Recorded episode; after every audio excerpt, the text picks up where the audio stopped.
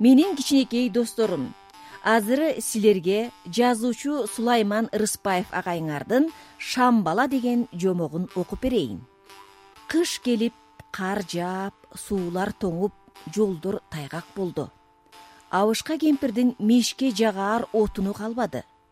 Тепейген үйүн жылытмак турсун тамак да жасап иче албай калышты.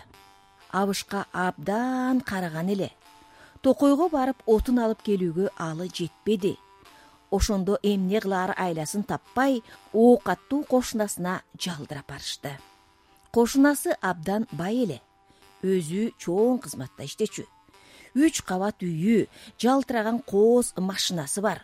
Курсагы салаңдап күн сайын себирип баратат. Бай кошунасы абышка менен кемпирге бир көмөч нан анан бир шам берди да эми келбегиле силер эмес менин өзүмдүн отунум жок. Силерге башка эч кандай жардам бере албайм деп узатып эшигин катуу жаап салды. Ал калп айткан эле кампасы толо отун менен ун талканы жертөлөсү толо кышка сактаган оокаты бар болчу. Зыкым ач көз болгондуктан бечара абышка кемпирди аяп койбоду. Балабыз болсо отун алып келбейт беле акча таап келип бизди бакпайт беле деп абышка кемпир армандарын айтып көз жашын көл кылышты. Ошентип абышка кемпир бай кошунасы берген бир көмөч нанды сууга чылап жеп эптеп септеп бир аз күн өткөрүштү. Анан ал нан да түгөндү. Бир күнү таңга маал абышка кемпир ачка жана үй суук болгондуктан төшөктөрүнөн турууга да жарабай калышты. Ушинтип жатып өлөбүзбү? Деп ыйлады кемпир койбойбичи мени эптеп ордумдан тургуз. Мен токойго барып бир тутам отун алып келейин. Боорукер адамдар жолугуп калса бир сындырым нан берээр кечке чейин келбей калсам анда менин өлүп калганым ошол талаада деп араң эле сүйлөдү. Бирок аны кемпири тургуза албады өзү да турайын деп тура албады. Үйдүн терезесинде баягы бай кошунасы берген шам үлбүлдөп күйүп турат. Ал дагы түгөнөйүн деп калгандыктан туруп барып өчүрүүгө да алдары келбеди. Анын түгөнгөнү үйдүн ичине караңгы түн түшкөнү дей бер аңгыча ошол үлбүлдөп жанган шамдан бир кичинекей жалын бөлүнүп чыкты да кичинекей балага айланды. Ал бала сөөмөйдөй эле болчу. Бала абышканын маңдайына келип туруп калганда эй сен кимсиң деп таңдана сурады абышка мен шам баламын деди баягы сөөмөйдөй болгон бала. Шам бала? Ооба мен шам баламын деди баягы бала. Кимдин баласысың деди абышка эч нерсени түшүнө албай. Силердин балаңармын? Биздин сендей балабыз жок эле го. Балаңар жок болсо мындан ары балаңар болот табышмактуу бул окуяга түшүнө албай шам бала сен кайдан келдиң деди кемпир. Шамдан келдим ошон үчүн менин атым шам бала өзү сөөмөйдөй болгон кийген кийими жок. Бул баланы сынамакка абышка буларды сурады. Эй шам бала деги сенин колуңдан эмне келет? Менин колумдан баары келет деди шам бала үйүңөрдү жылытам түндө жарык кылам тамагыңарды бышырам. Анда шам бала сен адегенде үйдү жылыт деди абышка үшүгөн колдорун укалап. Шам бала бат эле үйдүн ичин жылытып жиберди тепейген кичинекей үйдүн терезелери да тоңуп калган болчу. Алар да ээрип эшик көрүнүп калды. Тоңуп бүрүшкөн абышка кемпир эми ысып көйнөкчөн болуп жыргап эле калышты. Эми бышыра турган тамагыбыз жок эмне кылабыз? деди кемпир үй жылыгандагы кубанычы бат эле жоголуп.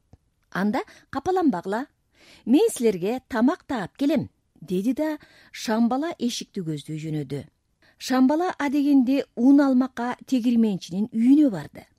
Тегирменчинин да кышкы отуну азайып үйү муздак болчу. Анын үйүн замат да жылытып берди. Ой сага чоң рахмат деги сен өзүң ким болосуң деди тегирменчи ага ыраазы болуп. Мен шам баламын кимдин баласысың деди анын бул сөзүн уккан тегирменчи. Тиги жогору жактагы абышка кемпирдин баласымын алардын уну түгөнүптүр мен силердин үйүңөрдү жазга чейин жылытып берип турайын акысына жазга чейин жетерлик талкан ун бериңиз деди чекилдеп.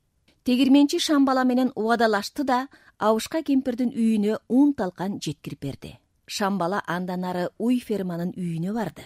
Ферма башчысынын үйүндө да отун көмүрү азайып кыйналып жаткан болчу. Алардын да үйүн жылытып убадалашты да жазга жетерлик эт май алды. Этти да абышка кемпирдин үйүнө ферма башчысы өзү бат эле жеткирип берди. Шамбала андан ары дүкөнчүнүн үйүнө барды. Дүкөнчү да дүкөнүнө от жага албай көмүрү жок кыйналып жаткан экен. Шамбала анын да дүкөнүн жылытып берип убадалашып кант чай туз алды. Аларды дүкөнчү абышка кемпирдин үйүнө жеткирип берип абышка кемпирдин үйүнө заматта ун менен эт кант менен чай батпай бапырап жыргап эле жатып калышты.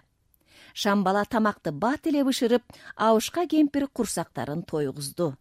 Анан кеч кирди.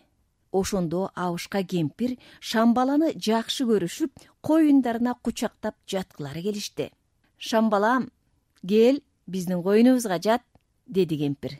Анда шамбала жок апа ата мен силердин коюнуңарга жата албайм жатсам төшөгүңөрдү күйгүзүп жиберем деди да терезеде күйүп турган шамга кирип кетти.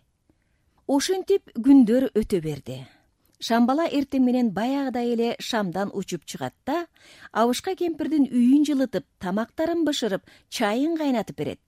Баягы убадалашкан тегирменчинин уй ферманын жана дүкөнчүнүн үйүнө барып үйлөрүн жылытып келет да түндө жатаарда шамга кирип кетет абышка кемпир эч нерседен бейкам болуп жыргап жашап жатышты. Күндөрдүн биринде абышка кемпирдин баягы сараң бай кошунасы абышка менен кемпир үйүндө жагар отуну жок жээриге оокаты жок тоңуп качан эле өлүп калды го? Өлүп калса тепейген үйүн трактор менен түрттүрүп таштайын да короомо кошуп алайын деп ач көздөнө басып келди. Келсе абышка кемпир баягыдай жүдөгөн түрлөрү жок. Үйү жыпжылуу карындары ток кайгы капасы жок кампасы оокатка толо жыргап жашап жаткан түрлөрүн көрүп таң калат да алардын кантип мындай жашоого жетишип калганын такып сурайт. Ошондо жашоосуна ыраазы болгон абышка кемпир ичинде эч кандай кири жок болгон сырын айтып беришет. Кана көрсөткүлөчү шамбалаңарды дейт ач көз бай кошунасы менин үйүмө да барып жылытып берсинчи. Абышка кемпирдин уруксааты менен шамбала кошунасынын үйүнө барат. Ач көз бай кошунасы үч кабат үйүнө жер төлөсүн кошо кампаларын дагы машина койгон гаражын уй кой баккан сарайларынын баарын жылыттырат. Ач көздөнүп муну абышка кемпирге кетирбейин. Үйүмө камап алайын. Муну пайдаланып дагы да байлык табайын деп ойлойт анан ыгынтаап кармап алайын деп кубалайт. Шамбала карматпай качат. Ал биринчи кабаттан экинчи кабатка андан үчүнчү кабатка качат. Шамбала ач көз байдан качып дубалдагы килемге терезедеги кооз шторлорго жерде салынган оймолуу шырдак ала кийиздерге тиет. Жалтыраган шифонер шкафтарга урунат. Ал тийген урунган буюмдун баары күйүп өрттөнүп кирет андан качып шамбала ач көз байдын кампасына андан жер төлөсүнө андан машина койгон гаражына андан ары уй кой сарайларына качат.